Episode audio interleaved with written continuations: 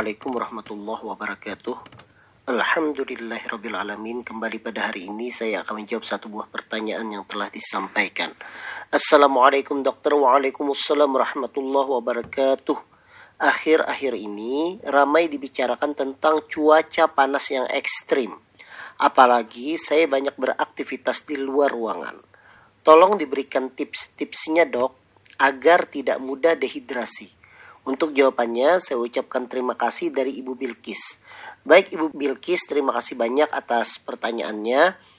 Memang eh, baru-baru uh, ini, mungkin dalam satu bulan ini kita telah banyak mendengarkan berita bahwa terdapat cuaca panas yang tidak biasa, terutama di wilayah Asia seperti Asia Selatan dan Asia Tenggara. Dan dalam hal ini termasuk Indonesia.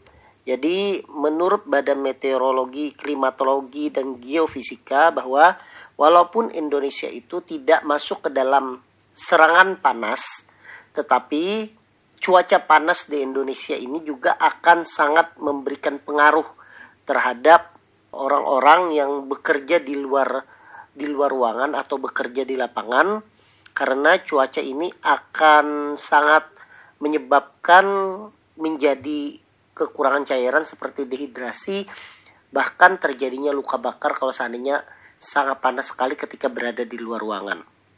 Nah, maka daripada itu ada beberapa tips dan trik yang mungkin akan saya berikan kepada orang-orang yang banyak bekerja di luar ruangan supaya jangan sampai terjadi dehidrasi seperti pertanyaan Ibu Bilkis. Yang pertama tentunya adalah untuk mencegah dehidrasi itu adalah dengan minum air yang cukup jangan menunggu haus. Kalau sudah merasa banyak berkeringat, segera untuk minum air yang cukup. Kemudian tentunya saran saya adalah hindari minuman berkafein, kemudian minuman energi, dan kalau seandainya beraktivitas di luar itu menggunakan topi atau payung. Kemudian yang tak kalah pentingnya, memakai baju yang berbahan ringan dan longgar. Ini tujuannya adalah untuk menjaga tubuh supaya tidak kepanasan dari dalam. Kemudian untuk pakaian sendiri kita pilih menggunakan baju yang tidak berwarna gelap. Karena baju yang berwarna gelap itu akan menyerap panas sehingga akan menyebabkan badan menjadi terasa lebih panas.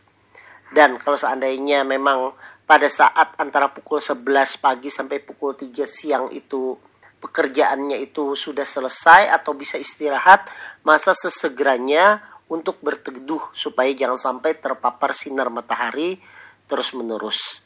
Kemudian, kalau seandainya memang bekerja di dalam ruangan tetapi sangat dekat dengan cahaya matahari, maka biarkan supaya jendela itu terbuka ataupun misalnya ventilasi itu terbuka untuk memudahkan sirkulasi udara sehingga panas di dalam ruangan juga akan berkurang.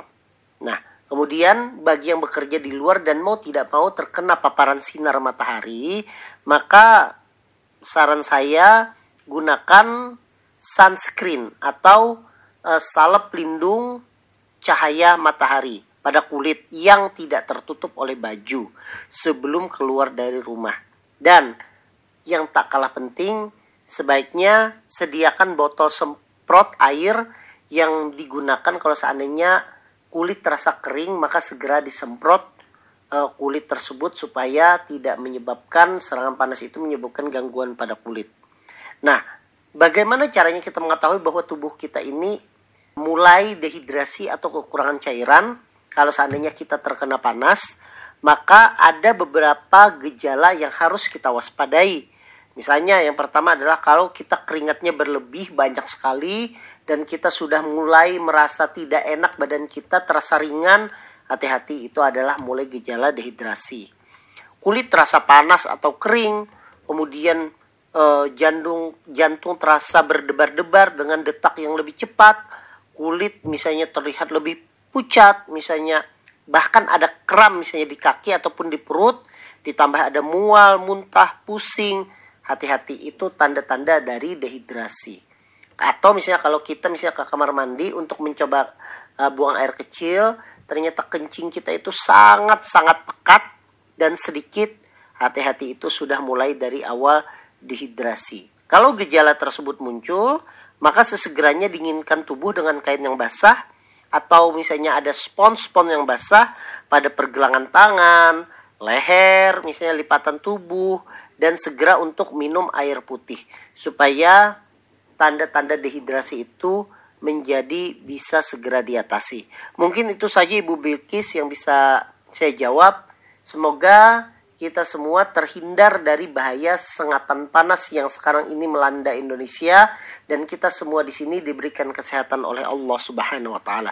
Wassalamualaikum warahmatullahi wabarakatuh.